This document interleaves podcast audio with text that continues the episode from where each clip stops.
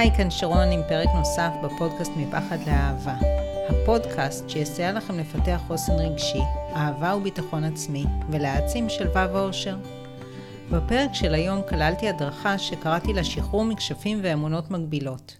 היא מדברת על התפיסות המגבילות שלנו לגבי עצמנו, על הסיפורים המגבילים והמקטינים שלמדנו לראות כאמת בעוד הם רק פרשנות או אמונה, ועל איך להתחיל לשנות את הסיפור שאנחנו מספרים לעצמנו על עצמנו, ואת דפוסי ההתנהגות הנובעים מכך, וליצור לעצמנו מציאות חדשה, עם יותר ביטחון עצמי, יותר אפשרויות ויותר הגשמה. למעשה אני רוצה לדבר היום על כל הסיפורים שאנחנו מספרים לעצמנו, על עצמנו, ואני מדברת בעצם על אותן אמונות ותפיסות שליליות לגבי עצמנו שפיתחנו במשך השנים מכל מיני סיבות. למשל, בגלל שההורים שלנו או מישהו אחר אמר לנו בילדות משהו כמו אה, אתה כזה וכזה, כלומר, או מישהו אמר עלינו, למשל אמא שלי הייתה אומרת שרוני הביישנית. אמ, אז התרגלתי לראות את עצמי ככזאת. או מישהו אמר לנו, אתה אף פעם לא תהיה ככה, או את לא תהיי ככה, או את תמיד תהיי ככה וככה. אמ, או לחלופין, יכול להיות שמבוגר או מורה או, או הורה אמר לכם משהו כמו כל הזמן על כל דבר שעשיתם, לא, זה לא טוב, לא ככה, לא ככה עושים את זה, תן לי, אני אעשה, וזה גרם לכם לפתח חוסר ביטחון נוראי. ויכול להיות שאימא אמרה, את כמו אבא שלך, או את בדיוק כמוני, את אף פעם לא תהיי ככה ולא תהיי אחרת, וזה דברים שגם אם מישהו לא אומר אותם בכוונה רעה, והוא אומר אותם בכוונה לעזור, הם יכולים להיתפס מאוד חזק אצלנו כילדים ולהשפיע ממש על הדרך שאנחנו רואים את עצמנו. דברים נוספים שמשפיעים על האמונות והתפיסות השליליות שלנו זה חוויות שאנחנו חווים בחיים. למשל, אם uh, ניסיתי לדבר מול קהל ונכשלתי, אולי פיתחתי את האמונה שאני לא מסוגלת לעשות את זה וזה לא בשבילי. אם הייתה לי מערכת יחסים שנכשלה פעם אחת או יותר, אני יכולה להגיד, אוקיי, אני לא טובה בזוגיות, זה לא, לא יצליח לי לעולם. או אם לא הצלחתי בעבודה או אם פיטרו אותי, יכול להיות שיש לי עכשיו תפיסה שאני לא יכולה להצליח בשום עבודה. ויש אנשים שחושבים שהם לא טובים עם כסף למשל. עכשיו יש אמונות נוספות שמתפתחות מתוך ביקורת עצמית מוגזמת, שזה משהו שהיום הרבה מאוד אנשים לוקים בו, ומתוך פחד מדחייה וכישלון. כלומר, למשל, מה זה ביקורת עצמית מוגזמת? אני לא מסוגלת לעשות את זה, אני אכשל עוד לפני שבכלל ניסיתי, ולפעמים זה פחד שאני אה, אחווה דחייה וכישלון, אז אני מעדיפה להגיד, אין טעם שאני אנסה כי אני אכשל, ואז בעצם אני שומרת על עצמי ומגנה על עצמי מכישלון, אבל אני גם לומדת לראות את עצמי כמי שאינה מסוגלת. ההשלכות של הדברים האלה הן מאוד מאוד בעייתיות. קודם כל זה מסר, כשאנחנו מבטאים משהו או מקבלים משהו כאמת, זה מסר לתת המודע שלנו לגבי האופי שלנו והיכולות שלנו. וכשאנחנו חוזרים ואומרים את זה או חושבים על זה כל הזמן, זה כמו היפנות עצמי. זה ממש מסר לכל תא ותא בגופנו, ומסר שלילי במקרה הזה. דבר שני זה משקפיים שדרכם אנחנו רואים את העולם. כלומר, אני אראה רק את הדברים שמאשרים את האמונות שלי. אני אראה את האמונות שלי משתקפות אצל אחרים, זאת אומרת, לא משנה אם זה נכון או לא נכון, אני אגיד, הם רואים אותי ככה, הם חושבים עליי ככה, ואני ממש אראה את זה גם אם זה לא נכון, ואני אסנן את האירועים שלא תומכים בזה. כמובן שזה יוצר תחושות מאוד קשות, תחושה של אומללות, רגשי נחיתות מאוד קשים, וזה גם משפיע על איך שאחרים רואים אותנו, גם באופן ישיר, כי אם אני כל הזמן אומרת אני כזאת, אני לא מוצלחת, אני לא יכולה, אז אני נתפסת ככזו בעיני אחרים, וגם באופן לא מודע. אם אני מרגישה לגבי עצמי בדרך מסוימת, אנשים קולטים את מה שאנחנו מרגישים וחשים גם באופן לא מודע, אולי הם לא יחשבו, אה, הנה זה מה שהיא חושבת על עצמה, אבל הם יגיבו לזה באופן אוטומטי. אז זה, התפיסה שלנו בהחלט משפיעה על איך שאחרים רואים אותנו. אז כמו שאמרתי, היום אנחנו אה, רוצים לעשות סדנה מעשית לכבוד השנה החדשה, לא רק לדבר על. ולכן אני רוצה להזמין אתכם עכשיו לעצור רגע, ככה לקחת לכם כלי כתיבה ועט. ולכתוב את התשובה על השאלות שאני אשאל כרגע כדי לזהות את האמונות והתפיסות המעכבות שלכם. אז קודם כל הדבר הראשון הוא אני לא טוב או אני לא טובה ב או אם. תכתבו כל מה שעולה לכם. אני לא רוצה לתת אפילו דוגמאות כי אני רוצה שזה יהיה לגמרי לגמרי לגמרי שלכם. ואם אני לא נותנת מספיק זמן בין סעיף לסעיף, אז באמת אני ממליצה לעשות את זה לא תוך כדי משהו, אלא רגע לשבת לעצור וממש לכתוב ולעצור את ההקלטה כשאתם שומעים את זה. אז אני לא טוב או טובה ב, או אני לא טוב או טובה עם. תכתבו מה שעולה לכם.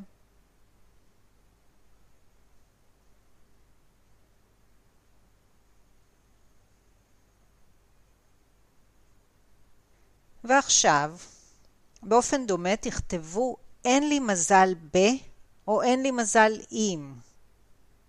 במה אתם מאמינים שאתם לוקים באיזה חוסר מזל מתמשך כזה.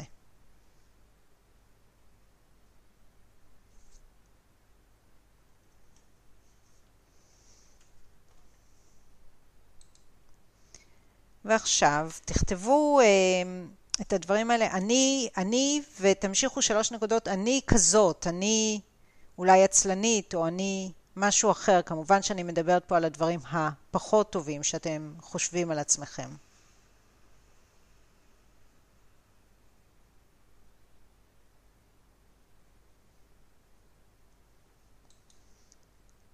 ודבר אחרון, וזה ככה סעיף מאוד לא מובן מאליו, תחשבו על ההסברים שאתם רגילים לתת על אי ההצלחה שלכם. אני אתן לכם פה כן כמה דוגמאות, כדי שתבינו על מה אני מדברת.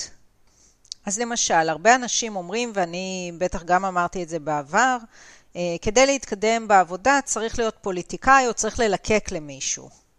אבל אם uh, תסתכלו על זה, אז יש אנשים שמתקדמים מהסיבות האלה, ויש אנשים שמתקדמים מסיבות אחרות, והם לא פוליטיקאים גדולים או מלקקים למישהו. או נאמר, אני כמאמנת יכולה להגיד, כדי להיות מנטור מצליח צריך למכור uh, לוקשים, צריך להיות קצת שקרן. הרבה פעמים נשים יגידו, גברים מפחדים מנשים חזקות, או אם אני לא יודעת איך לשחק משחקים אז אין לי סיכוי להצליח בזוגיות, וגברים יכולים להגיד משהו כמו, נשים רוצות רק גברים שרעים אליהם, או הן רוצות רק גברים גבוהים.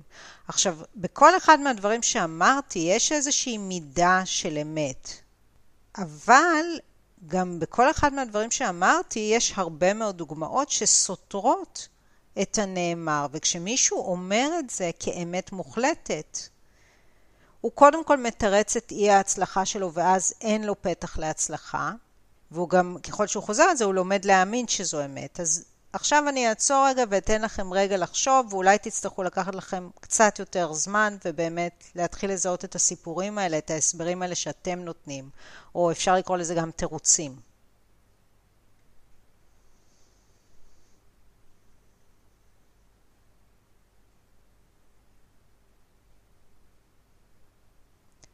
אז אני אמשיך עכשיו הלאה עם ההדרכה, ובאמת, אם אתם צריכים עוד זמן, תחזרו אפילו לחלק הזה בהדרכה ותחשבו עליו טוב טוב.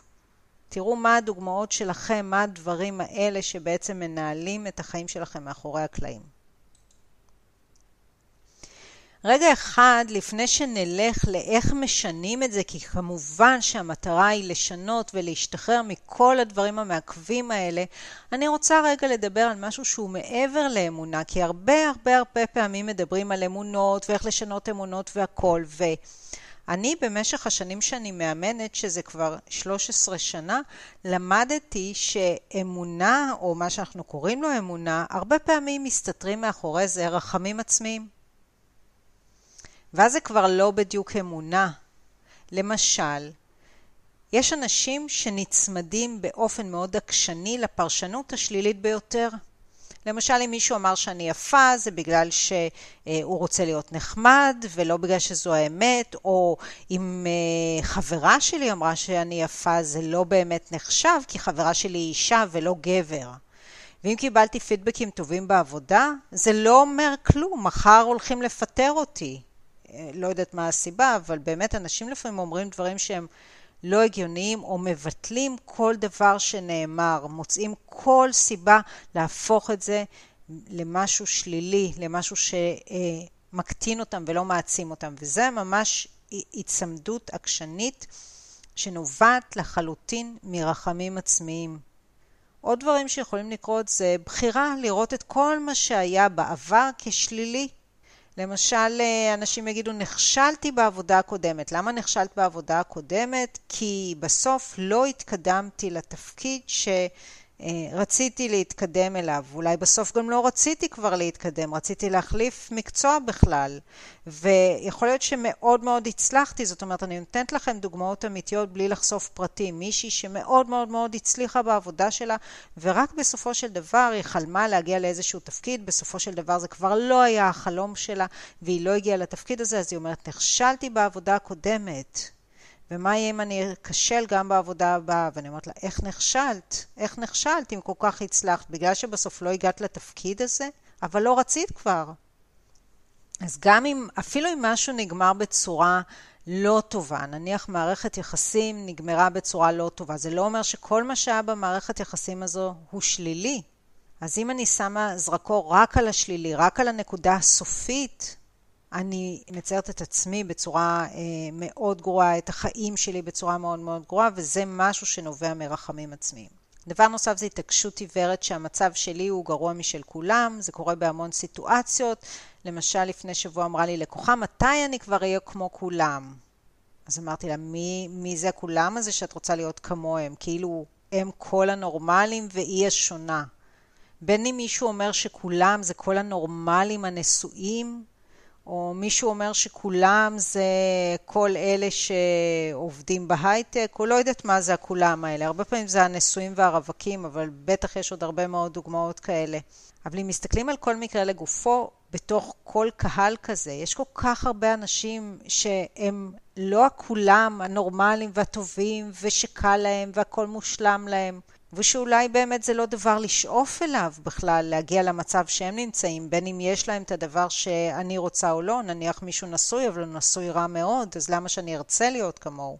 עוד עניין של רחמים עצמיים זה מנטרות שליליות, אנחנו אה, מתבכיינים, מתלוננים על עצמנו ועל מצבנו, למה אני ככה, למה זה ככה, ובתוכו אתם תבטאו את כל אותן אמונות שקודם אה, אה, בעצם זיהיתם. אם אני חוזרת על זה שוב ושוב ושוב, זה לא ישתנה, להפך, ההזדהות שלי עם זה תלך ותגדל. יש גם אמונות שביסוד שלהן יושבות על תפיסות שגויות, כמו למשל, אני חלשה. למה אני חלשה? כי אני לא מצליחה להחזיק דיאטה, אני תמיד נשברת.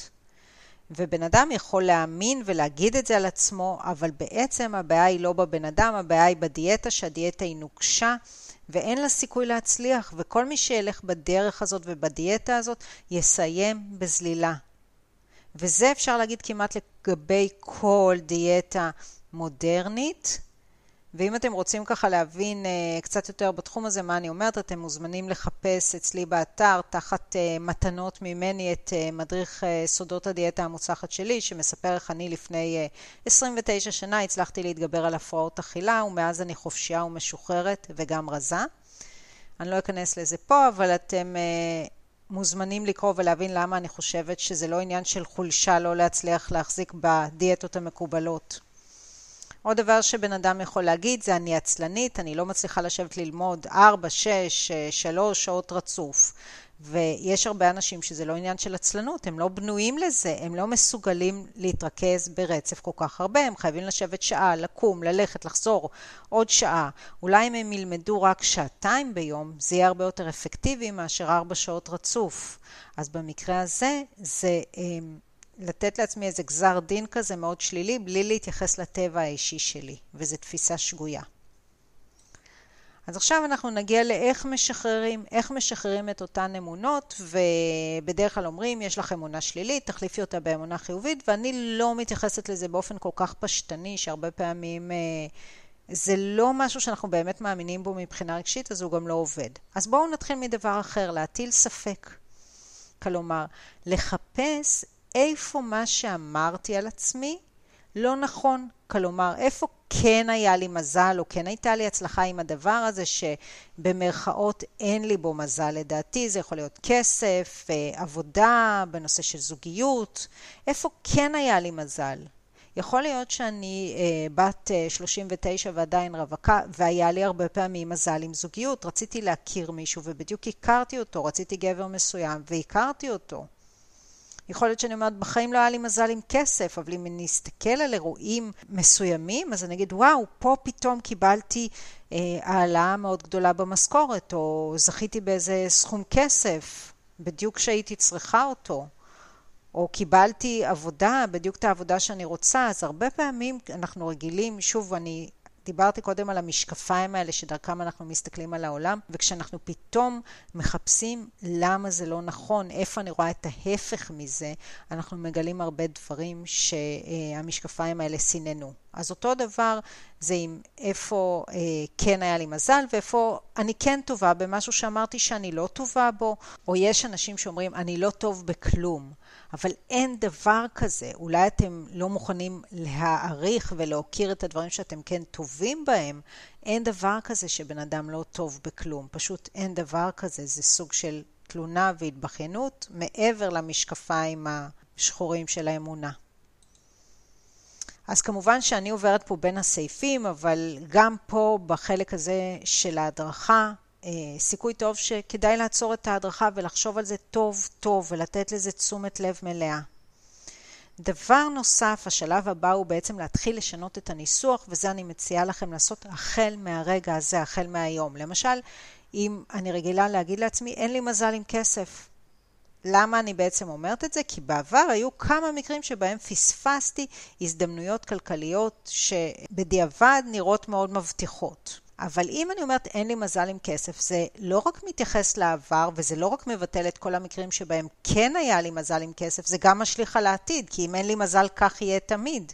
אבל אם אני מתמקדת בדיוק במה שהיה, ואני אומרת, היו בעבר כמה מקרים שבהם פספסתי הזדמנויות כלכליות מבטיחות. אוקיי, באסה, אבל זה לא אומר שזה גם מה שיהיה בעתיד.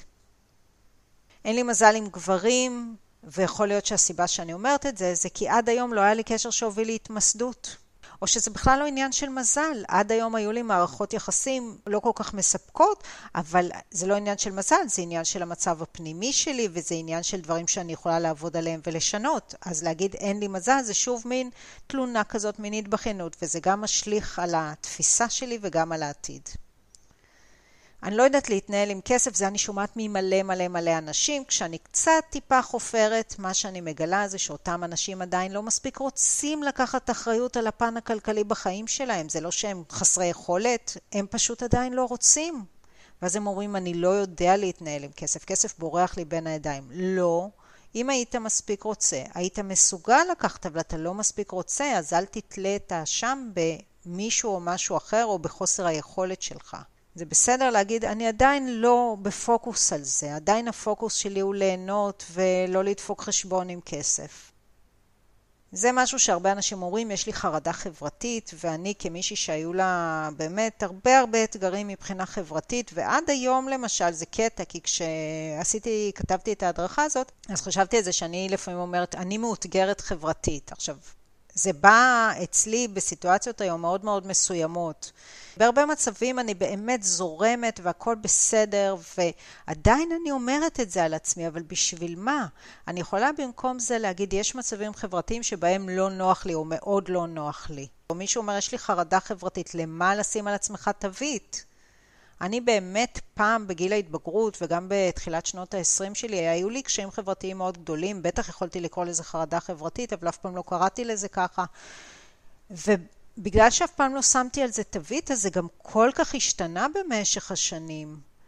אז אני ממליצה לכם לא לשים על עצמכם תוויות, או להגיד דברים כאלה, אפילו המאותגרת חברתית, הנה, אני היום מחליטה לוותר על זה. יש מצבים חברתיים שלא נוח לי בהם. ובטח ובטח לוותר על ניסוחים שחותמים את הגולל על כל אפשרות לשינוי, כמו אני תמיד ככה וככה, זה לעולם לא יקרה, אני לוזרית, בינונית, אני כישלון, כל מיני דברים סופר סופר קשים כאלה. אם מישהו אומר דבר כזה, זה לא יכול להועיל בשום דבר, זה לא יקדם בשום דבר, זה רק יגרום לכם להרגיש נורא לגבי עצמכם. וזו גם לא האמת. אם אתם רוצים לשנות, וגם אם לא הצלחתם מיידית, אז במקום להתבכיין על זה ולהגיד זה לא יקרה, תנסו שוב, פשוט תנסו שוב. אם תהיו במקום הזה שלא מלכה את עצמכם על זה שנכשלתם שוב ולא מתבכיין על מה שקרה, בסופו של דבר זה יצליח. הדבר הבא שאתם יכולים לעשות זה להימנע מתלונה, כמו שכבר אמרתי עד עכשיו, כי זה בעצם אותה חזרתיות, אותה מנטרה שלילית, וגם להימנע מקבלת ייעוץ מהסובבים על הבעיה שלי. אני אומרת הבעיה במרכאות. שוב, יכול להיות שיש בעיה קונקרטית, אבל זה לא שעכשיו אני צריכה שאיזה חברה או חבר לעבודה ישבו ויעשו לי ניתוח אופי, אני לא יודעת בדיוק מי הם, מה הם, מה הם יודעים, מה קורה בחיים שלהם. אם יש באמת משהו קונקרטי שצריך להשתנות, אם יש לי בעיה אמיתית, עדיף לקבל עזרה מאיש מקצוע שאני סומכת עליו, ולא מכל מי שנמצא סביבי. זה לא יהיה לטובתי וזה רק יחזק את האמונה שלי שיש לי בעיה.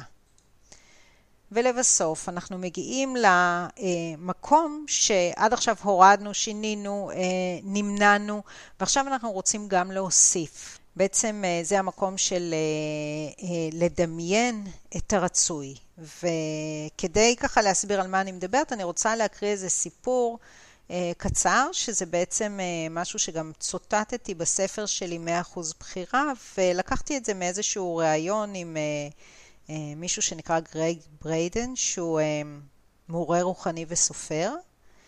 אז זה מה שהוא ככה סיפר בריאיון. אז אה, החבר של גרג, שהוא יליד אמריקני, מה שאנחנו קוראים אינדיאני, הציע לו להצטרף אליו לתפילת הגשם. הם הגיעו יחד למעגל אבנים עתיק, שם ציפה גרג לראות את החבר שלו מבצע ריקודים ומזמורים לכבוד הגשם. הוא הופתע כשחברו הפנה אליו את גבו, עצם את עיניו, ולאחר כעשרים שניות פנה אליו ואמר, אני רעב, רוצה לאכול משהו? גרג הסתכל עליו בתדהמה וענה, כן, אה, בטח, אבל אני חשבתי שאתה רוצה להתפלל לגשם. לא ענה החבר, אם אני אתפלל לגשם, לא ירד גשם, כי ברגע שאני מבקש שמשהו יקרה, אני רומז שהוא אינו קיים כרגע.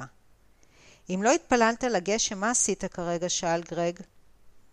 כשעצמתי את עיניי הרגשתי את ההרגשה של איך זה לעמוד יחף בבוץ של כפרנו אחרי שירד כל כך הרבה גשם, ולהריח את הריחות שעולים לאחר הגשם מהאדמה ומקירות הבתים. כך יצרתי את ההרגשה של הגשם.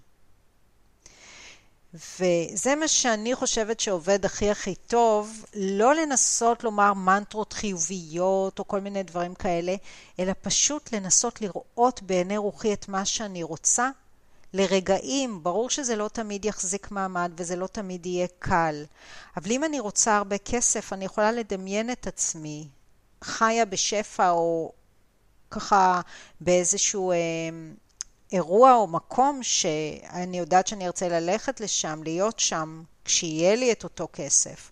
או אם אני רוצה להיות בזוגיות, אז אני יכולה לדמיין לי ככה את עצמי יושבת עם הבן זוג באיזשהו מקום, על חוף הים, בבית, מה שככה עושה לי את זה. פשוט לדמיין את זה, זה לא כל כך משנה איך זה נראה, ואל תתאמצו יותר מדי. אני יכולה להגיד שכל מה שדיברנו עד עכשיו זה העיקר, והעניין הזה של הדמיון הוא מאוד חשוב, אבל הוא לא אה, יהיה לו ערך מספק אם לא תשנו את כל הדברים שדיברנו עליהם עד עכשיו. אז רגע לפני סיום, אני רוצה להדגיש עוד משהו קטן לגבי נושא הדמיון. לפעמים, ובעיקר כשיש הרבה פחדים, ממש קשה לנו לדמיין משהו רצוי. אם זה קורה לכם, אל תיבהלו ואל תתעקשו על לנסות לדמיין. כפי שאמרתי, החשוב ביותר זה כל מה שאמרתי לפני כן. עוד דבר שחשוב זה להיות עד כמה שאפשר נוכחים ברגע ההווה. רגע ההווה זה המקום שבו המציאות קיימת ולא הסיפורים שבראש שלנו. אם תרצו להרחיב על איך עושים את זה, יש פרק שלם בפודקאסט שמוקדש לכך. וברור שלא אחת האמונות שלנו מושרשות עמוק והסיפורים שלנו כל כך שגורים, עד שאנחנו אפילו כבר לא מזהים שהם סיפורים. במקרה כזה יש מה לעשות. אפשר לעבוד על זה למשל בתהליכי אימון ו-NLP, כמו שאני מציעה. ואם זה מעניין אתכם, אתם פשוט יכולים לפנות אליי, יש את הפרטים שלי אה, בהערות. אז הגענו לסיום, וכמו תמיד אני מקווה שנהניתם והפקתם ערך מהפרק, ואם כן, אתם מוזמנים לשתף אותו עם אנשים נוספים שיוכלו ליהנות ממנו גם הם. אתם מוזמנים לעקוב אחר הפודקאסט, לדרג אותו וגם ליצור איתי קשר ולספר לי מה לקחתם מהפרק ומה עוד הייתם רוצים לשמוע בתוכנית. מזמינה אתכם גם להציץ אה, בהערות לפרק, אני משאירה שם כישורים להעמקה וגם פרטים ליצירת קשר איתי, אז שיהיה המשך יום מקסים ולהתראות בפרקים הבאים.